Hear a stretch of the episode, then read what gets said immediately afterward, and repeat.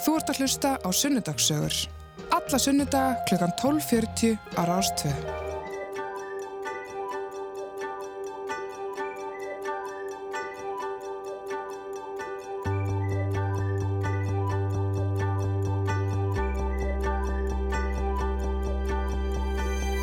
Heil og sæl og uh, velkomin í sunnundarsögurnar hérna hjá okkur á Rástvö. Hrafnildur Haldarstóttir heiti ég og ætla að vera með okkur uh, þennan sunnundaginn 8. november í dag og uh, fínasta veður hérna í höfuborginni og uh, vonandi bara allir þokkalega gladir. En uh, það er alltaf gaman að koma í sunnundarsögurnar og og hlustendur hafa nú sennilega átt að sjá því að við erum núna fjögur sem að skiptu þessu á millakkar og uh, ég sem sagt verð með ykkur í dag síðan eru hinn þrjú, það er Andri Freyr og Hulda Geirs og Gíja Holm Geirsdóttir. Þannig að það er fjölbreytni í þessu. Í dag verður gestur minn Birgir Jónsson fórstjóri postins en þá, hann er nú búin að segja starfið sínu lausu. Og uh, við ætlum að svona heyra hans sögu, uh, lífslaup hvað hann er alin upp og bara það sem hann hefur fengist við í gegnum tíðina og verður væntalega áhugavert að heyra í honum.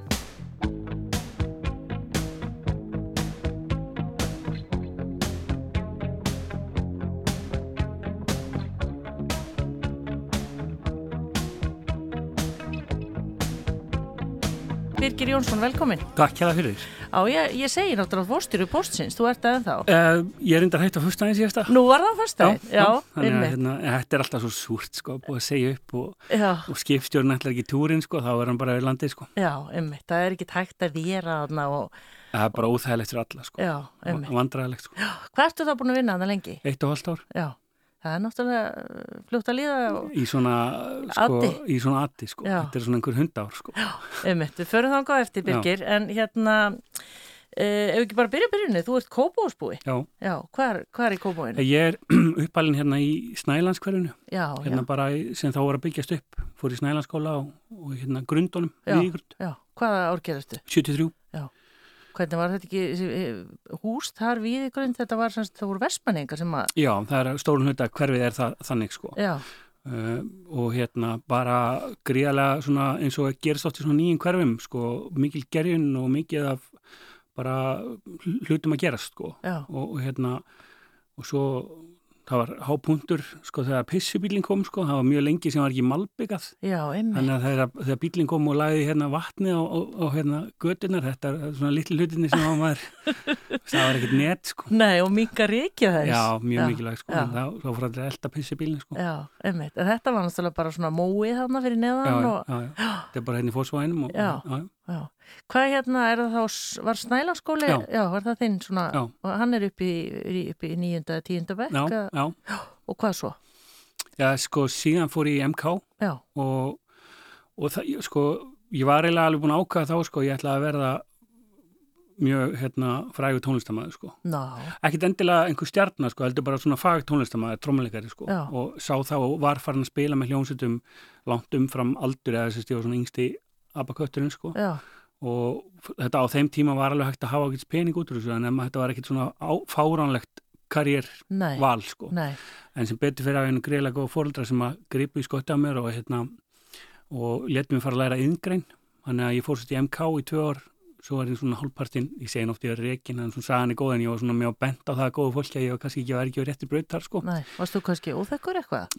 Nei, svona ég var það svona þegar ég var lítill sko en, en hérna, en nei, ég, var bara, ég hafði jáhóð ég var bara ekki, ég, veist, ég sá, sá ekkert mína framtíð hérna í svona náms eða, eða svona þessu akademiska umhverfi sko. nei, einmitt. En af hverju byrjaður að tromma? Var það, Það er bara góð spurning, ég bara man ekki eftir öðru ég hef bara verið að berja potta og pönnur og stóla og með sleifum og, og bara með vesens sko. Enginn í fjölskyldinni? ég, ég greiðalega miklu sko tónlistar sko áhugi til dæmis að pappa mínum sko en það var engi beint í fjölskyldunni sko sem að ég gætt hérna en, en ég var bara svona kvartur áfram sko. Já, og já, svo fór ég bara svona, þú veist, var í skólinn hos Kópóks og hotnaflokk Kópóks og, og þar á þeim tíma var mikið af sko, sko tónlistamönnum sem að maður gæti hort upp til, litið upp til og voru fyrirmyndir, þú veist, til dæmis Birgi Baldursson sem var þá trómar í svarkvöldin draumi og, og svona bara algjört legend í tónlistarheiminum, sko, Já. maður gæti svona hort á hann og hann var í lúrasveitinni með mér, sko, þá miklu eldri en ég samt, sko, Já. það fylgta svona, sko, sem að maður einhvern veginn bara rúlaðist áfram, sko. Já, og þú ert ekki svo fyrsti sem að einhvern veginn talar um Lúrasut Kópós af því að Björn Guðjónsson, svo, hann alltaf bara mótaði æsku mjög marga. Já, já. Þetta var náttúrulega bara frábær ljónsveit. Sko í kópóinum, sko, þú veist annarkort í skólinhjómsinni eða, eða skólakukársni, sko. Já, Það var bara, þú veist, þetta er bara og vinabönd ennþá sem haldast bara í, í lífinni á fólki, sko. Og eins og tóta með kórin, sko, þetta er náttúrulega bara, þetta er einhvers konar, sko, þú veist, ég segi hún á að fá fólkárið, hún er kannski búin að fá fólkárið, en nú, þetta er ótrúlega mikilvægt bara menningastarf og, og bara uppeldist hlutverk sem hún gengdi, sko. já. Ég man eftir að því ég var í Kópaðinum að Björn kom í skólan sko og pikkaði út fólkið eða börn sem að svona heldur lægi Já, og þá voru bara helmingur, helmingur sem var bara komið í skólaljóstina daginn já, eftir. já, já. Þannig virkaði þetta þá veist að vera í sko. einhverjum grænum æfingagalla og, og hérna fannst þetta alveg sjúklega töff sko. Já, ummitt. En uh, stundum er sagt, Birgir, sko, ef þú er illa við ykkur, þá gefðu þá barnin hans trommusett. Já, Hvar var eiginlega trommusetti heima hjá þér? sko það er nú alveg góð að segja frá því sko, fer aftur inn á þess að indislu fóreldri sem ég á sko. Þau sko fluttu út úr svefnuherbygginu sínu sko, áttum heim svona litlu húsi, Já, svo ég hefði nógu mikið pláss fyrir trommusetti mitt sko. Og það var ekki trommusetti af minnstu gerð sko. ha, og hérna þarna djöblaðist ég bara á alla dagar, ég skil bara, ég sko, þetta góða fólk og sérstaklega móðum mín sé bara ennþá ofanjarðar sko. og, og ekki, voru ekki settir eggjabakkar Nei, eða það neitt? náttúrulega því er ekki neitt sko. Nei, bara, þannig ég, Vá. ég bara djöblaðist þarna með spilaði náttúrulega bara eins og aðrir held ég á þessum tíma, þú veist, ég fór ekkit í tónlistaskóla en eitt svona, en ég spilaði bara með ekoplötum og bubbaplötum og, og hérna, og læriði þetta bara og, og, svo var maður bara betur og betur hverjum degi og allt í henni var maður farin að geta spilað á trúmur sko. já, ummitt. En hérna, og nágrannir hafa ekki teirt eða... Jú, alveg snar brjálæður sko. Viltu nota tækifæri? Nei, nei, ég bara Svona var þetta bara? já, já, ég var ekkit ég var ekkit alveg þungar okkar ef ég ætlaði að vera eitthvað að byggja stafsökunar endalega sko. Nei, ummitt. En aðeins aftur að því að þú segir að þú hefur ekki verið svona, já, kannski strákurinn sem varst mikið inn að lesa eða hvað, hva, akkur segir þú hafi verið svona, varstu ódæll eitthvað neginn? Nei, það var bara alltaf að fara svolítið fyrir mig sko. Já, Mér veist ég náttúrulega rosalega fyndinn og svakalega sniður og þurfa alltaf að hafa síðast orðið um allt og svona sko. já. Þannig að Varstu svona leiðtógin eitthvað neginn? Já, örglega með góðu ítlu sko. Já, Þú veist, ég var svona Já, að, veist, þetta er allavega mín upplifun sko, af þessu sko. Ég hef oft farið svona svolítið hrattum sko. já, ummitt. En þegar þú hættir þá eftir tvö ári í MK og ferði í prentiðin, er Mm, það þá já. í innskólan? Já, eða? já, fór bara samning og, og hérna lærið bara, semst að vera prentar í pensminu 8 og vann það bara í fjögur ár. já, sem er þá í rauninni allt öðru í þessi vinnubröð heldur en er í dag. Já, Er þetta er, ég meina, ef maður tala bara reyna íslensku þá er þetta í raun og veru, ég segi kannski ekki dögt fag en þetta er alveg á síðustu metrum sko. Og, og hérna En hvað varst þú, voru þið að nota þarna? Ég meina, hvað ári er þetta? þetta er, hvað ég var að segja 90 og ég maður ekki eitt sko, eitthvað þannig sko. Og hérna ég meina, þá er þetta náttúrulega bara eins og 8 á þeim tíma bara rosalega flott og stöndugt bara leiðandi innfyrirtæki á Íslandi og Einmitt. hérna, óbúslega mikið flottu fólki sem var að vinna þarna og ógstlega gaman sko. Já, og hérna, svo mikið gaman að hérna, þó ég hef nú alveg átt að mig á því að ég var nú ekki, sko er nú ekki góðu prentari beint, sko. Þá ákæði ég sko eftir það þá er ég kannu aðeins búin að þroskast pínlítið og áttaði mig á því að það var kannski ekki alveg tónlisti var kannski ekki alveg eins gjöf, gjöful mið og ég held, sko.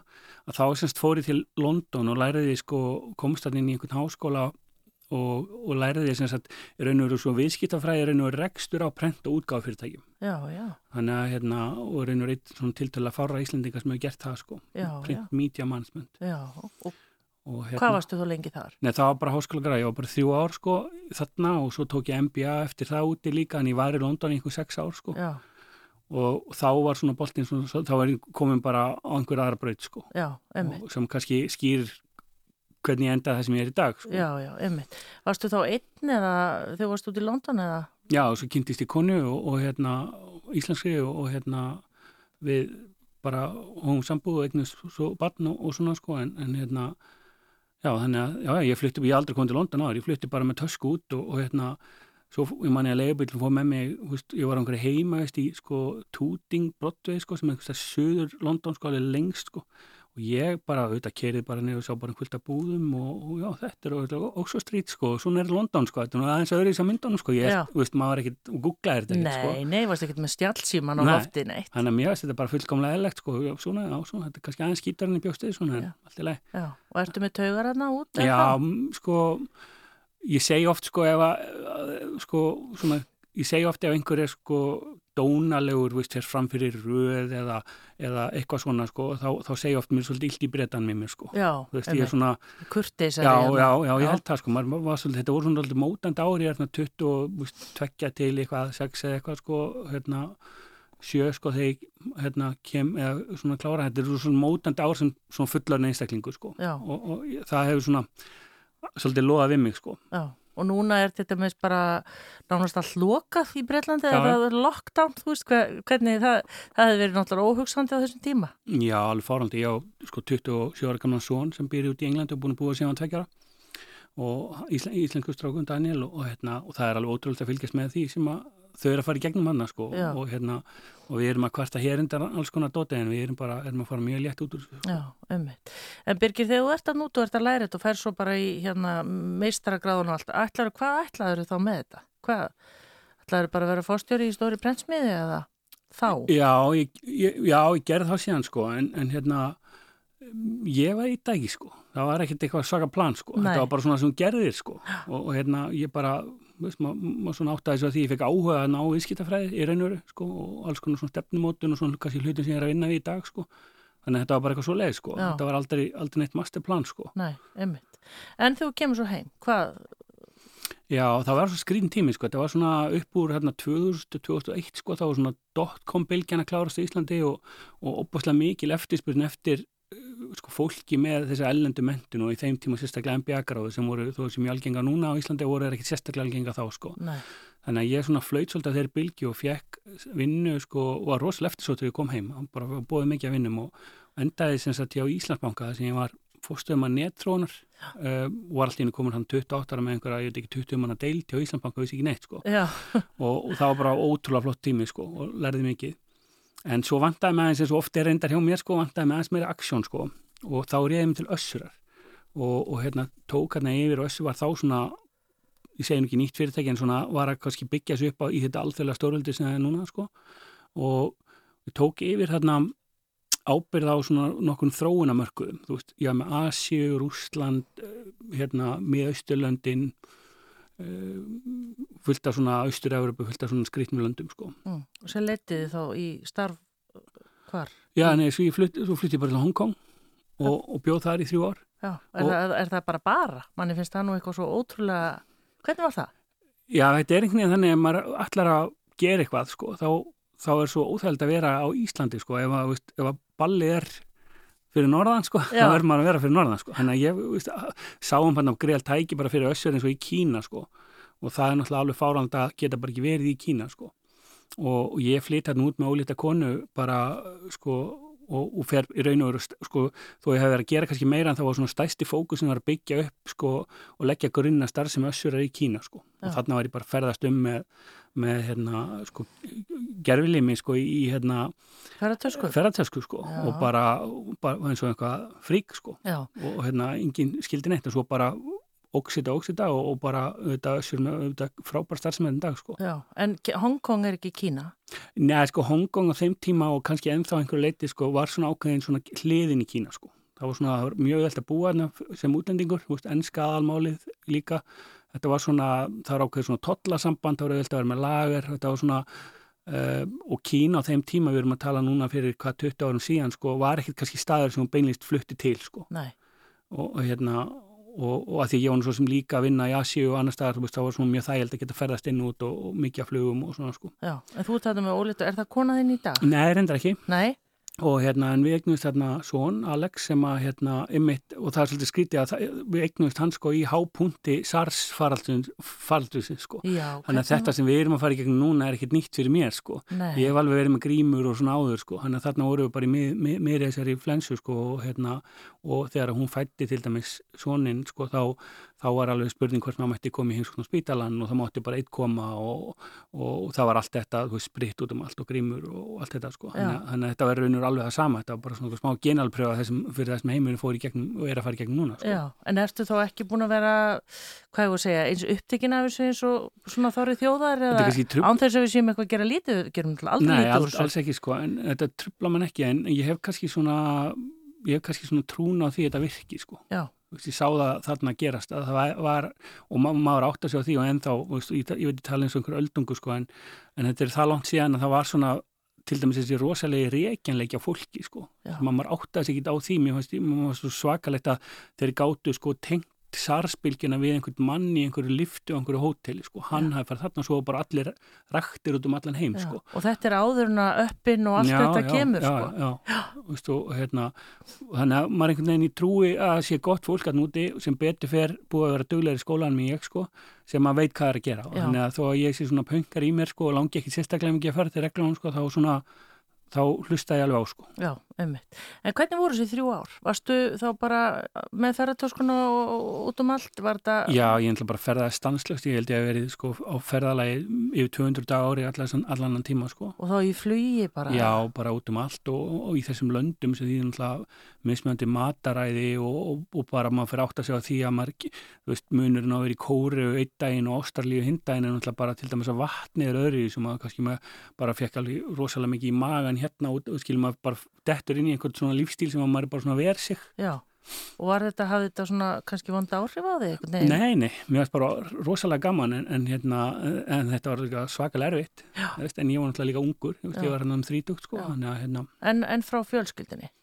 Var það ekkert svona, ekkert dröðslegast hún nú með? Nei, nei, nei, nei, og það var kannski ástæðan fyrir að það var gott að vera í Hongkong, þannig að byggum við bara í svona mjög örg umhverfi og, og hérna auðvitað frábæri borgir, alveg gríðalegur Hongkong áhuga maður og, og, og ég og Lísa kona minn núna sko förum oft til Hongkong, ég er alveg bara sjúkur og við bæði í Hongkong sko, þetta er bara, þetta er bara svona töfra staður sko. Já, bara, mælir með þegar við megum fara að ferðast á ný. Staður sko, Já. allt þannig, bara orkan í, og það kannski sýnir sko það að ég var þarna og, og búin að þannig sé allavega svona eftir vestrænum stöðlum búin að menta mig ágætlega og svona. En mér fannst bara ég fór í eitthvað doktorsnám þarna úti sko. Af því það var bara svona sem fólk gerði og maður var eiginlega bara maður var að hitta fólk og það bara byrju, ert ekki, ert ekki að læra eitthvað meira? Og, og hérna hann ég skráði mig hérna í, í doktorsnám sem að ég get nú sagt þess að hans er margi íslendikar ég er á rítgerðinu en hérna Já, en það var nú út af því líka sko að mér var svo töff að geta verið á hótelum sko í staðin fyrir að sagt sko Mr. Johnson, mér var svo töff að geta Dr. Johnson. Já. Sko. En svo var eitt félagið mér sem bendi mér það að ég þyrti ekkit kannski að framvísa próskýrtinu sko. Nei. Ég gæti bara sagst vera doktor sko. Já. En hann, svo kláraði ekki rítgin en þannig ég var svona D. Johnson stundum. Já, en er þetta eitthvað að segja? Getur ekki gert hann að kunna sem er? Ja, þetta var endar um fókusera á sko uppbyngu svona össurar í Kína. Hvernig, í raun og veru hvernig maður um, byggir upp svona leiðandi lítið evrópst vörumerki á svona stóru markaði eins og Kína. Og, og þegar maður fer í svona nám, svona doktorsnám þá er það aðalmálið sko að maður þarf að vera að pitcha ákvæmni rannsóknar, hugmyndar rannsóknar verkefni sko. Og þetta var DBA gráð, þannig að þetta var svona helmingurna en 70% var kent eins og MBA og síðan var það rítgerð, þetta var ekki svona svo PhD sko, það sem er bara rítgerð sko. Þannig að, þannig að hérna þannig að svo þegar ég ákveði að flytja heim sko þá var svo sem verkefni farið og, og hérna og, og jú, ég verður glengt í að náttúrulega klára þetta sko en mm. það er einhvern veginn eins og margt annað Já, já, veitum ekki sko. Já, nei, nei En akkur ákast að flytja heim? Var þetta, er, það er hérna ekkit verið að dvelja þetta of lengi í þessu? Nei, þetta er svolítið svona í mér sko, ég átta mig mjög snemm á því sko og þar getur kannski tengst við postin líka sko ég er alveg mjög upplögur í ákveðnum hlutaverkefna sem eru svona viðsnúningur, umbreytingar, uppbygging um, og síðan þegar það kemur því að, að sko reka hlutina, þetta er kannski ástæðin fyrir ég endist ekki í bankan, mér var svo leiðild að vera alltaf að fara á svo marga fundi og sita bara alltaf að borða vínabröð og eitthvað svona sko. Já. að hérna þó að það hefur frábæra verkefni í gangi þá bara fann ég ekki að ég kem ekki vinn á mótnana og, og það er ekki bara eitthvað svona öskrandi sko hraði og ég þarf bara að sko bara nöðsynlega að gera eitthvað núna sko þá finn ég bara einhvern veginn að ég hef ekki eitthvað að bjóða sko Mm. og það er óþægilegt, veist, þá líka þannig að þá veist mér, mér einhvern veginn ég sé ekki einu svona vinna fyrir vinnin, eða vinna fyrir laununum mín Já, sko. og þá, þá, er, þá er svo auðvelt að geta bara útskipt fyrir fólki og oftast er þetta núna setna árin þegar, maður, þegar ég er ráðin eitthvað þá fólk átt að selja á þessu skilu, það er bara, þetta kannski þekkist ekki alveg á Íslandi sko, augljóslega ekki í ríkisreksturum sko, en erlendis eru svona turnaround stjórnendur bara þekkt stærð sko. Já. En er þetta bara eitthvað tíman þegar þú kemur heim, er það bara árin fyrir hrun eða? Um, já, sko, þá, þá sko, það, það er endur áhvert sér því, sko, ég kem heim og tek við hérna í veru sem fórstjóra Iceland Express á þeim tíma. Já. og er þar í, svona þegar það er að byggjast upp, þetta er eitthvað 2004, 5, 6, eitthvað svona. Og, bara, og þar hefst svona smá dagur samband mitt við flugbransan, sko. Og hérna, og var þar enn og aftur, fyrirtæki sem var búið að stopna öflugir uh, frumkvölar réð ekki alveg við verkefni þau ekki fjármagn, fyrirtæki verið orðið strand, það komu nýjir eigendur það vantar eitthvað svona nýtt heimi til þess að koma og, og byggja það upp aftur. Og, og ég man eitt, eitt gamlás eitt gamlástægin þá sát, sátu ég og Almar vinn minn og, og við, við raun og veru bara sögðum upp öllum samningum sem félagi var í, allt frá því að vera flugulega niður það að vera sko auglýsingasamningu við golvöll og byrjum bara á nýtt við byggðum bara og félagi bara upp aftur já, og á gamlástag. Já, Já, dag. bara fyrir lok, bara ársins og mánaðamót og svona sko, þannig að það var bara, við höfum bara þennan dag til þess að bara, við gerum ekkert annað en bara sögum bara öll upp, Já. svo byrjuðum við bara aftur sko. Og hérna, En þetta litur að vera skemmtileg tími. Þetta var svona, var svolítið kraftur þarna í Iceland Express. já, já, og þannig að maður bara vinni sem að regnast á og, og samstarfsvinni sem að bara maður heldur en þá treyði sko. Já, og þá heldur ferðarlegin áfram hjá Birgi. Varstu það ekki alltaf í, í flugveðilega? hvað? Jú, jú, jú, jú, jú, en á þessum tíma sko þá er náttúrulega svo, svo margir sem að átta sig að skilja það ekki þegar maður segja við sko ég, sko, það er ekkert við mig sem að mér skaman að fara til útlanda sko, ég er alveg gjössanlega búin með það sko, mér skaman að fara bara vera heima. Já, þannig að ef einhver kemur upp einhver fundur, þess er þetta COVID frábært sko, að geta bara verið á Zoom og Teams og þessu sko, því að veist, ég þarf enga afsökun til að fara til útlanda sko, bara, ég er búin með það sko Já, nema Hong Kong kannski. Já, í frí sko, Já. það er alveg hvenna sem er sko Já. en í vinnuferði sko, það þarf að vera alveg í fullan hjá Já, tökum það aðeins bara rétt stutt. Heldur það breytist? Heldur það bara bara breytt landslag hvað þetta var? Ég meina ég vona. Já. Það er bara það sem gerist náttúrulega er að fyrsta lagi eru, eru fundirnir tíðari þeir eru uppbyggilegri út af því að það er hérna, fólk er, e, þú veist að það fylgir ekki þessi, allir þessi hádegisverðir og dinnerar og eitthvað svona skilur, heldur er bara fólk, ef það þarf að tala með eitthvað þá, er, þá getur bara hýst á morgun og svo bara aftur á föstudaginn, sko, þannig að málinn klárast um, augljóslega er þetta gott fyrir umhverfið En þetta er leiðilegra. Það er miklu skemmtilegra að hitta fólk. Já, eins og ég segi, þá, þá, þá er hver að meta það sko. Mér finnst ekki gaman að fara á einhvern fund, vakna klukkan 5 morgunana, fljúa til Oslo og sitja þar á einhverjum fundi með einhverju fólki sem mér finnst kannski bara pínulegilegt og þar þurfa einhvern veginn að vera í svona pínu vandræðilegu chatti sko og fljúa svo heimum kvöldi sko. Það er svona, gerir ekki mikið fyrir mig Nei, sko. einmitt. Þá, svo það sé bara sagt. Já, ég er bara búin aðeins sko. Já, einmitt. En hvað eru árin hjá Iceland Express, Birgir, mörg? Já, þau eru eins og ofta aður, svona þessi tvö ár sko, er, en það er sem líka bara þá er þetta svolítið komið í þennan struktúr sko, Mm. að bara þetta rúlar bara sko og, og hérna og þá eins og oft gerist hjá mér sko kemur upp eitthvað annað tækifæri og þá Og þá erum við komin í hvað 2007? já, er- já þetta er svona þetta er kannski ekki alveg áramótum, þetta er svona ég hugsa að komi heim einhver tíman á árinu 2004 og svo hætti ég örglega einhver tíman á árinu 2006 sko Já. hérna hjá, hjá Þá er rosa gaman samt að vera í, í það er alltaf, gengur allt svo vel. Við erum svo ótrúlega flott Íslendingar, allir horfa okkur, hvað okkur gengur Já, vel í viðskiptalífinu og varst í þessu Já, partí? já, já, ég hef alveg sögur þessu sem verði ekki sagar hér á, á hérna, dagtíma í útarpið allar landsmanna sko. Jú, jú, alveg bara fjekk að sitja í alls konar engaþóttum og fara í alls konar partí og hafa rosagaman sko. En, en hérna, og það voru auðvitað margt, margt sem að byggðast upp á þeim tíma. Og við erum oft svolítið góð íslendingar því að tala um svona, svona einvítt um hlutina sko, eins og allt sem hafi gerst fyrir 2007 hafi bara verið eitthvað rugg. Þannig að eru rosalega mikið af flottum fyrirtækjum sem að byggðast upp á þessum tíma.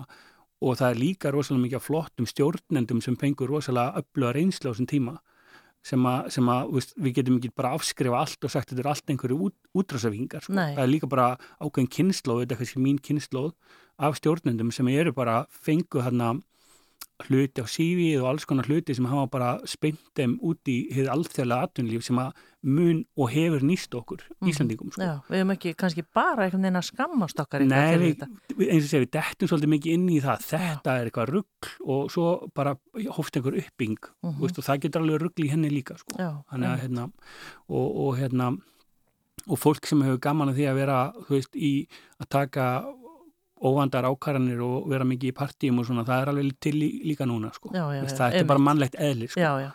Og- En, en, en Iceland Express, nú er ég ekki alveg með þá reynu, hvenar, hvenar fór það, hvenar, hérna, fór það á hausin eða hvað? Já, það rann sko, sko saman við Vá hérna um, 2012 kannski Já, já, já. en þannig að það gengur hérna alveg mörg ár hérna eftir að ég kvarf sko Já, en þú fórst til hvað, vá, eða? Nei, já, setna sko en þarna eftir Express sko þá gerði ég nú eins og var fullkomlega eðlilegt að gera og allir byggust við eins og ég hugsa flestir hefði nú kannski gert bara að ég flutti til Transilvaníu í Rúmeníu Já, og þá fórst að stjórna prentsmiðinu. Já, já, þa þar, þar, þar var En ég hvað, af hverju þar? Já, það, Vá. sko, já, þetta er náttúrulega, bara því ég sittir nú að segja frá sér, þetta er náttúrulega algjört rugg, allt saman, sko, þetta er náttúrulega algjörlega samhengislaust, sko. En það var þannig að það, þá hefðu, sko, eins og oft, og var kannski í þessu hrunni, eða fyrir hrun, að Ísland fyrirtæki voru að fjárfesta mjög mikið í, í kannski fyrirtækjum sem að þau þekktu, eða sem sagt, í, starfsemi sem þau þekktu ellendis. Og þar hafði eignarhaldsfélag sem var í eigu Íslandinga keift nokkra prensmiður í, í hérna Östuröfu, Rúmeni og Búlgari og síðan byggðu við aðra í Ungarlandi og, og ég var einhvern veginn fenginn til þess að reka þetta og, og, og tók hérna við sem fórstjóri og, og það var náttúrulega bara ótrúlega skemmtilega tími Mm. og ég segi nú aftur ég, svo, ég hrífst svo á fólki sko þar á ég líka ennþá vini sko sem að bara urðu bara einhverju vini fyrir lífstíð sko Já. þar sko ótrúlega svona skemmtilegt skemmtileg dýnamik eins og í Rúmeníu alveg bara ótrúlega Ég, maður þekkir þetta land ekki neitt, Nei, maður sko. rosalega mikla stereotypiska ímynd sko. Það, það, sem er ekki þetta er bara land sem er í rosalegri þróun og það er að koma hann inn núna bara ný kynslu af fólki svona í yngri kantinum sem er að taka við óbúslega tækifæri viðskiptum mikil mentun og menning sem var notabenn ekki kannski þegar ég kom en maður svona sér þetta gerast sko. En var eitthvað svona prentþekking eða hvað hva var þess valdandi að þetta var þar? Já, þá, ég veit ekki alveg hver ástæðan var að þeir keftu fyrirtæki en það sem gerist oft í svona þróunamörkuðum og við sjáum það til dæmis eins og í Afríku uh, með símaþróun að af, sko, af, afrísku þjóðina voru stukku bara yfir landlínur. Já, þeir fóru bara beint í GSM síma sko. og það var líka í, í, fyr, í fyrirtækjarekstri í svona yðnaði þarna á þessum löndum maður sér þetta í Asju líka að það er ekkit svona engin saga, það er engar gamlar vélar. Þú veist, þá fara menn bara að kaupa nýjustu vélar Já, þannig að við vorum þarna með fyrirtæki bara sem voru bara algjörlega leiðandi í teknithróun sko bara í, í heiminum sko, Já. bara með nýjustu græðunar og ótrúlega mikla þekkingu og bara, og vorum auðvitað bara að vinna verkefni fyrir bara Evrópu sko, Já. bara Þískalandsmarka og Frakland og, og, Norrlundin sko. Og, Og, og, bara prenta allt frá bara, já, bara blöð og, og hérna og, ég með var sérstaklega gaman fyrsta daginn þegar ég kom inn í hérna í Infopress í Rúminni hérna í Transvalæni þá voru þeir að prenta hérna Bravo já, sem já. var hérna fyrir Þískalandsmarka sem var nú hérna bara biblían manns í galda Bravo og Pop Rocky sko. Já, og hérna og já, þannig að, þannig að, við vorum sérst með risastóra vexmið í, í, hérna, í Transalani og skrifstóruð um allt og stóra vexmið í Búlgari, Plótið í Búlgari og svo byggðu upp, upp einn í Budapest og ég síðan flutti reynda til Budapest eftir það. En hérna en, en þetta var bara geggjað og þetta var fyrirtæki sem velti hérna, veist, held ég á þeim tíma tæpun 20 miljardum króna og við vorum einhverja 1300 starfsmenn og, og, og það var alveg rosalega skóli fyrir mig sem stjórn þetta sko að, þú ert að keira fyrirtæki sko, það voru þrjú tungumál í fyrirtækinu sko og ég tala ekkert að þeim sko Þú ert með, með, með rú, rúmensku, þú ert með ungarsku og svo ertu með hérna búlgarsku sko Já. og, og, er ekki, og fólk ekki almennt gott í ennsku eða? ekki, nei, ekki sérstaklega Nei. sko. nei, ekki sérstaklega Hvernig gerur þetta? Ég bara með því að byggja bara teimi og, og bara, þú veist, þetta er bara ríkalega góðu skóli í stjórnun Já. bara finna rétta fólkið og, og bara það var málið sko. Já, en varstu þarna, að ég kem alltaf á fjölskyldinu, hva, hvernig er, eru hægir þínir þá? Já, þarna, þarna er ég sem sagt búin að kynast núverandi einkonum minni og, og, og, og, líka verðandi hérna, sem að mun vondi verða það alltaf. En hérna Lísa Ólafsdóttir sem, sem að við eigum þá, hún, ég kom með tvo stráki í púki og hún kom með tvo stráka. Og þetta var þannig að við á þessum tíma byggum við í raun og veru bara tveim löndum eða báðum löndum við vorum með heimili hér og, og heimili úti og, og hérna hún ferðast rosa mikið á milli og ég kom aðeins heim í mánuði, svona viku í mánuði sko. Og en aftur ég hugsa ég hafi á þessum tíma frá svona hérna 2006 til svona einhver tíman að verða 2011 örglega ekki sofið meira en svona þrjáar fjóra nætur í sama rúmin á þú veist ég var bara stanslausum ferðalögum sko. Já. og hérna þannig að, þannig að þetta var bara svona í síkanarlíf sko. Já, og, og oft sem að við kannski ég kom ekki heim og hún kom ekki endilega til Rúmeni en við hittist kannski bara í París eða fórum Já. til Dubai eða eitthvað svona sko og að þetta var svona bara auðvitað rosa gaman en samt alveg mjög erfitt sko já. En Birgir, þú ert þá í rauninni bara því hún að tala um hrunið á þann, þá erst þú bara einhvern veginn þarna á meðan að það er allt einhvern veginn að gerast hér. Já, Og já, þetta annars staðar náttúrulega líka, en satt það svolítið að mér þannig en, en auðvitað sko sem fyrirtæki eins og við í Íslandri eigu sko, maður upplýði það bara á einni viku sko, að hérna Guðblæsi Ísland vikunni Já. að þá hófst alveg gríðalegt af því að fyrirtæki okkar úti var miklu miklu stærra en fyrirtækina heima sko og, og hérna og það voru mjög margir hérna úti sem að, sem að vildu komast yfir það sko. Þannig að það fór alveg rosalega kaplum í gangar en að selja það sko á en að það er bara hennilega tekið á okkur sko. Og þetta er ennþá, þessi fyrirtæki er ennþá algjörlega leiðandi hérna á þessu mörkuðum sko, það er mjög gaman núna að koma að nút og ég var mikið hérna síðasta veitur í Bukarest og Rúmini og að sjá allt sem við vorum að gera hérna er ennþá bara, þú veist ég bara hitti, hitti alveg fólki í, í Bukarest sem að sem að bara veit alveg hverju var, mann bara eftir mér hérna sko. Já, að það er líka sem gerist þarna sko að stutt sér að var byltingin að múrin fjall og allt þetta sko. Sjá Sesko var nú tekin hann hansi, hansi mikið í og bakari hans sko. Já, já, þá eru sko prentsmiðuna svo mikill partur af fjölmilafrelsinu þannig að það að vera fóstur í þessari stóru prentsmiðu þá var maður einhvern veginn líka einhvers konar bara stóð einhvern veginn vörðum já, og þannig að ég áttaði mikið alveg á því að maður bara mjög mikill fjölmilafókus á mér til dæmis persónulega komin einhvern svona til til unga maður frá Íslandi að reyka þessa, þessa nafntóðu prentsmiðu skilur Já. bara hvað er í gangi sko. já, ef ekki verið hrættið hann bara. Já, en nei, nei, ég er ljú, ljúið drengur sko. Það er nú aðri menn til að hætti í Rúminju sko, ég er nú Já. ekki svo veisti sko. Nei, en hérna, þú veist, Búkarest, mælirðu líka með því, ef að fara þanga? Ég er svona mjög nýlega varðum þannig sko, Já. en á þessum tíma voru bara villi hundar og, og bara svakalegt sko, en, Já. en breytið ekki að fólki er frábært sko. Já, einmitt. Uh, hvað ertu þá, hvað er þetta langt tíðanbill sem ert þarna í þessu? Já, ég er alltaf, alltaf svo erfiður í að...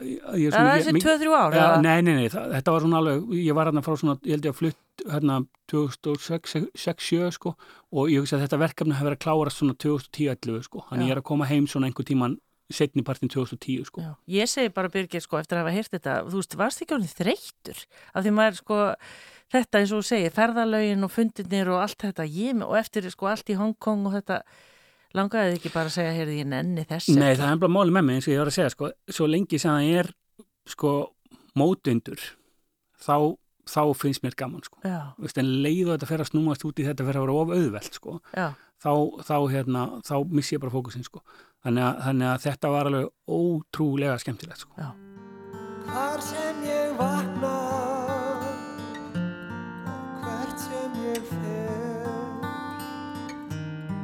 Er hún svo eina sem vakir með mér?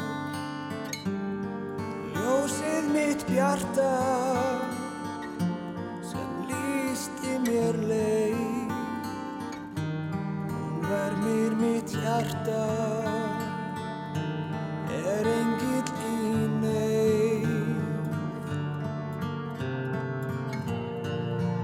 sem ég fer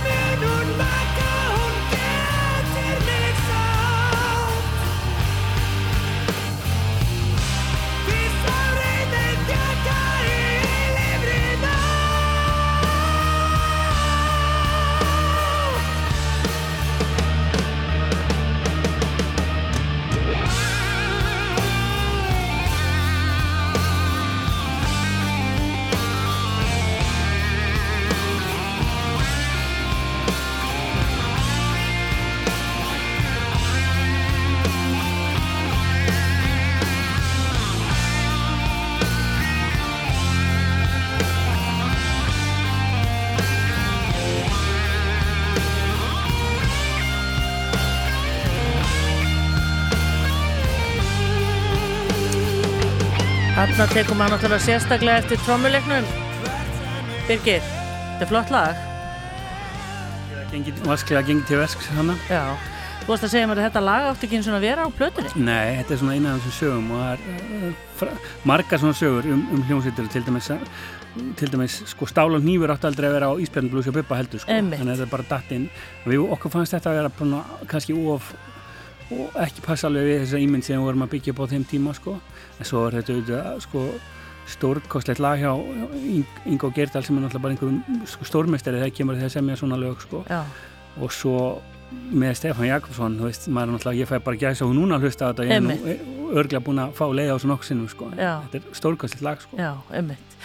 Uh, ég, það kannski passaði vel að spila þetta þarna vegna þess að þú sagðir að þegar að þessu ævintýriðinu lauk hérna úti í, í Búlgaríu og, og Ungverilandi og þarna þá eiginlega tók daldil trommuleiku við Já, ég hef alltaf eins og framkom á hann alltaf verið í því að spila trommur og gert það alveg rosalega mikið, sko. Uh, þó ég hef hætt hana í 10-15 ár, sko, í raun og veru, sko. Og, og það er nefnilega til gaman að segja því hvernig það byrjaði, sko, aftur. Það var þannig að, hérna, þegar ég var í Rúmeníu þá var ákveðið að halda rosalega stóra ásatíð fyrir alla starfsmennina í Transylvania og það kom hugmynd frá starfsfólkinu um að fá íslenska hljómsið til að koma að spila. Og, og það var ekkert mál og ég ringi hérna í góða vinn mína í Sóldögg og, og þeir bara algjörlega sko, allar mæta og, mæta og hérna. Og síðan og við bara plönum allt og þetta er þarna þú veist, 1500-2000 manna svona úti tónleikar og svona starfstagur og svona partí og tífuli fyrir allt staffið og svona. Og þetta er ekki íslenskt starfsfólk? Nei, en þeim fannst bara spennandi. Þeim fannst þetta svona spennandi hérna konsept, þetta, þetta Ísl, Íslandi og svo veist, voru svona einhverju villingar eins og ég og fleiri að koma þarna og þetta var svona áhugavert fólk sko. Já, og, og hérna og svo fæ ég síntal frá félagum mínum í Soldögg uh, bara svona tvei mánuðin fyrir giggi sko, og það var bara kom illt í efni sko, hérna, þeir eru að koma en Batti trómari kemst ekki og það var bara, veist, Byggi, við, við vorum að tala saman að þú eru að trómynda Já. og ég bara, nei ég er bara ekki búin að spila trómur í tíu ár sko. og til að gera langar svo stutta þá bara kefti ég mig bara trómusett og æfði mig bara aftur og ég hugsaði líka sko, ég ætla ekki að koma hana, þetta er svo að byrja bara viniðin er allir í landsliðinu sko, þeir eru bara fræga popstjörnum skilur og svo allar hérna, byggi sem var einu sinni doldi góður sko, að spila með þeim og hann kemur bara haldrand inn, sko, það gengur ekki sko, þannig ég ætlaði bara að mæta í giggið alveg af góður þeir sko. þannig æfður þig bara Já, og þá var ég bara komin aftur á levelið sko og þá var svo stutt sko þegar ég síðan kem heim þá svona dætti ég bara inn í svona gamla vinahófum minn aftur sko Já. og þá var verið að stopna einhverja hljómsettir og gera eitthvað og ég hefði sem sagt kynst og reynd, reynd að spila þess inn á fyrstu plötunni á Dimmu sem kom út 2003 og ég og Sili Gerdal vinn minn höfum verið saman í, í annar hljómsett sem er 13 sem vorum í líka og, og það var svona, þeir voru Dimma var búin að gefa út einhver tvær plötur á þeim tíma og voru farið gegn einhverja svona skiptingu í mannskap, skiptum söngur og trommara, buðið mér giggið og við síðan í raun og mjög stutt eftir fundum stefajak Já, og þetta er alveg gjör ólíkt líf, Birgir Jónsson, en það, það sem þú ert búin að vera að lýsa fyrir okkur hér, að vera bara svo, ekki bara, en trommari bara í vinsalli hljónsveit. Já, svo, svo, svo var það sko, svo byrjuðum við náttúrulega bara, það gerist ekkit strax sko, við byrjuðum bara að gera músík og, og spila plötur og maður svona, mér fannst ég alveg pínu stundum kjánulegur, ég var kannski bara að spila, veist, á hit upp fyrir einhverja smástráka, þannig séð, veist, meni, ég var bara hérna, fertugur maður búin að vera fórstjóru út um allan heim og mér fannst það bara svo skemmtilegt. Og það sem mér fannst líka svo skemmtilegt þetta, það er bara svo ótrúlega mikið flottu fólki í tónlistabransan og, og bara þetta er svo anstætt því sem fólk heldur þá er þetta bara svo heilnæmt fólk oft og þetta er bara svo heilbært oft sko. Þó að sé stundum auðvitað eitthvað annað í gangi en, en það er bara svo heillandi að vera að vinna með svona fólki í svona sköpun sko. Og það, ég tengi það rosalega mikið við fyrirtækjarekstur sko. Já. það er bara, bara gott fólk að bara vinna í því sem það er gott í af el, el, hérna, ástriðu og eldmóði sko. Það, það skiptir yngum máli hvort að það er Íslandspóstur eða, eða skálmöld sko, Nei, það er alveg að sama sko. En þið náið og verðið rosa vinsalt band. Já, svo bara allt í einu sko, manni bara við erum að spila á 11 sem var lítill bara hérna í bæ sko, þá kem ég hérna við ætlum að byrja úr leigubíl og, og kem fyrir utan ég hugsaði að það er eitthvað ammali, eitthvað engapartí eitthvað, ég segi bara það er röð bara hérna nýra út á götu sko, það er bara einhver svona stórt fyrirtæki með eitthvað partí á undan. Þá bara var þá bara staðurinn pakkaður til að sjá okkur sko. En þá vorum við alveg búin að vera að spila í eitt og halvt ár sko, þetta Já. gerist ekkert og síðan svona til að gera langa svo stutta sko, var þessi hljómsveit bara einhverju fenómeni sko, þú veist þetta er bara fáranlegt, ég menna við bara, þú veist, maður fann sig bara í eldborgarsal og hofi með, með symfóníljónsveit og við spilum og gerum tvær plötu með Bubba Mortensson og, og sko við spilum alltaf bara í, bara út um allt og, og gáum út allar þessar plötur og ég veit ekki hvað marga sjónvarpi og ég veit ekki, sem gerum bara allt sem það hægt að gera, bara þjóðið í Væsmanni bara allt sko. Var þetta vinnaðinn þarna Birgir? Þetta var svona stundumvinna mín sko. Já, en varstu bara svona í eigin verkefni Já, um eitthvað? já, Já. já. Og, og hérna Gastu hugsaðir þetta bara að vera í þessu? Um, Þú þurftir ekki að stimplaði einhverstaðar inn eða... Þetta er rosalega vinna sko. Já. og ég held að fólk átti sér enga veginn á því sko. Hvað er mikil vinna verið svona hljómsveit? Það var átt ári eða tæp átt ári sem ég var í bandinu sko. Og það var til dæmis þú veist, flest sumur allar helgabókaðar sko.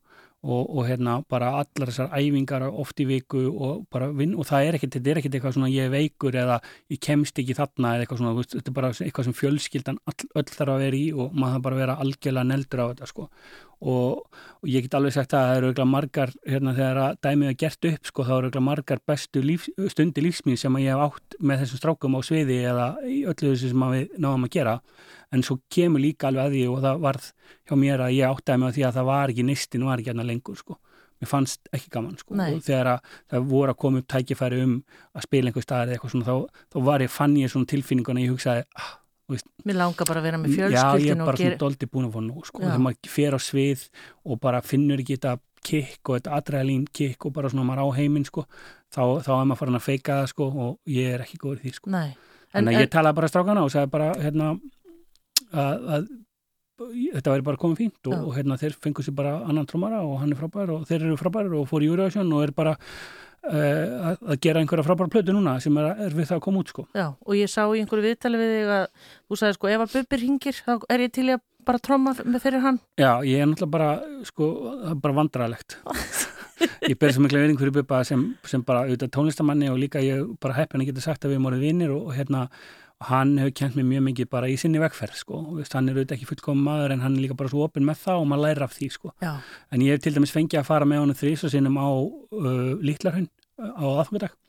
Þannig að það er búið aðfangadag hjá mér núna í þrjú ára að ég hef farið klukkan 11 og farið með Bubba Mortins og spila bara fyrir fangana á Lítlarhunni og svo hef ég bara komið heim og klukkan 2 og hérna hugsaði vel um lífið og tilverina sko. Hvað þetta er allt hverfult og, og hérna maður sér þetta fólk hann inni og þessa, þessa menn sem eru auðvitað búin að í mörgum tilfellu fremja hræðilega glæpi og svona, maður áttar sér bara samt á því hvað, hvað lífið er eins og sé hverfult og þetta er allt ástæður þetta er allt spurningum eitthvað sem gerist í æskunni skilur eða fjölskylda aðstæður eða maður fer bara einhvern veginn, ég veit að það er rosa væmið að segja þetta en maður bara fer alltaf heim og bara faða með bönni sín skilur bara, og verður bara jáfnvel meira á, á já, á- bara ég skal algjörlega við ekki það maður er alveg bara, og svo fer maður kannski og sest niður við eitthvað við eitthvað fínt borðu þetta með fjölskyldun og borða fínt mat og eitthvað svona og, og, og maður getur ekki að hugsa um fólk sem maður situr hérna inni og í raun og veru, þetta er svona bara keðja af ógæfu, sko, Já. þetta er bara fólk sem lendir þarna inni, það er búið að fremja glæpi á, á kostnað einhvers annað sem eru líka, skilur, þetta er bara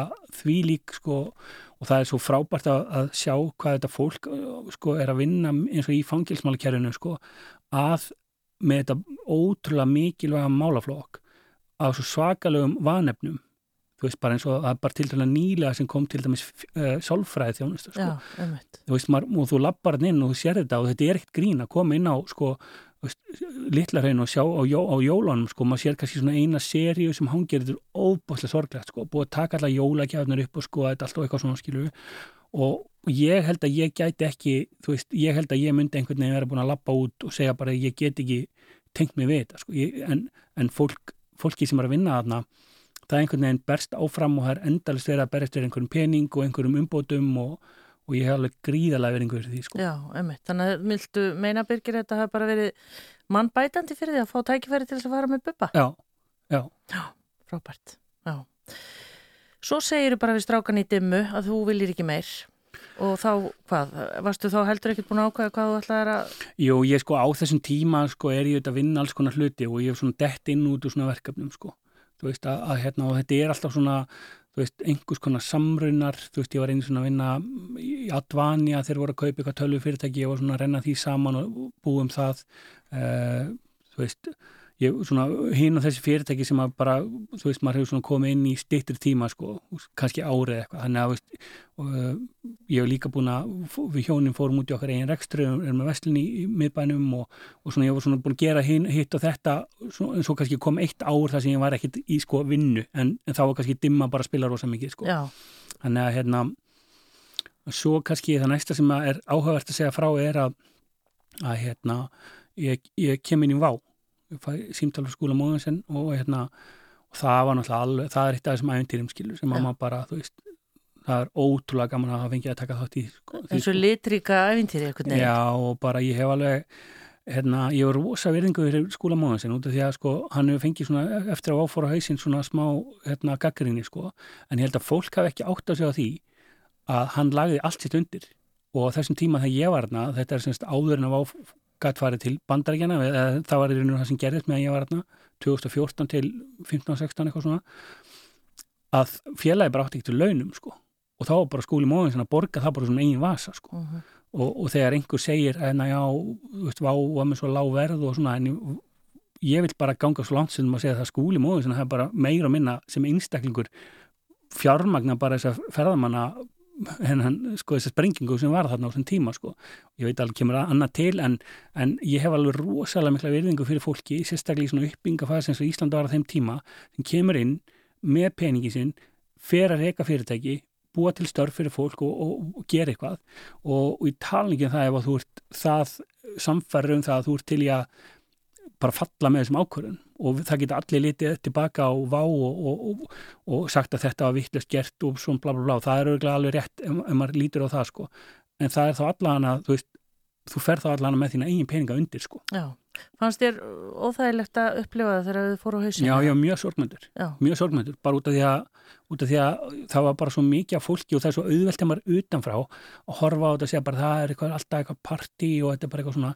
En þannig að fólkan inni sko sem að bara lagði sig allt fram sko og í talningum þegar fólk var bara með alla fjáraslega á þetta undir líka skilju og, og hérna Og, og hérna, ég var mjög sorgmættur yfir því þegar það fór og líka bara öllum fyrirtækinn sem fór á hausin, skil. Þetta er bara, af því við erum svo lítil þjóð og heimurinn er svo stór og ef einhver, eins til dæmis, ekki það að þetta á einhver lofræðum skóla móðans, en ef einhver bara, hérna, kemur með peninga inn í landi til þess að búa eitthvað til og þá er hann að segja, ég ætla ekki að gera önnur tækifæri í heiminum. Þetta er ekkit sjálfgefið. Þetta er ekkit sjálfgefið að einhver vilji eh, byggja upp einhver hlut á Íslandi þegar að allur heiminu stendur opinn sko. Nei, emmitt. Hvað er hérna hvert að þitt hlutverk hérna? Bara... Ég var sem sagt í raun og aðstofostjóri og, og þá var þannig að ég í raun og veru bara var svona bara milli skúla og félagsins og var svona í endurskipulagningu og, og, og kannski undirbúa félagi undir hennan stóra stökk sem hann tók. Uh -huh. veist, þetta var svona freka lítið félag á þeim tíma sko og og hérna það þurfti náttúrulega bara að undibúa sko, skúli er frábær frumkvöld og gríðalegur hérna, hérna framsýtt maður en, en hann er kannski ekki besti svona dagleg stjórnandi í heiminum sko og myndi nú að vera fyrstu til að viðkynna það sjálfur sko en, en ég svona tók kannski það hlutverk að mér og, og hérna En þú varst, þú varst hættur þegar þeir?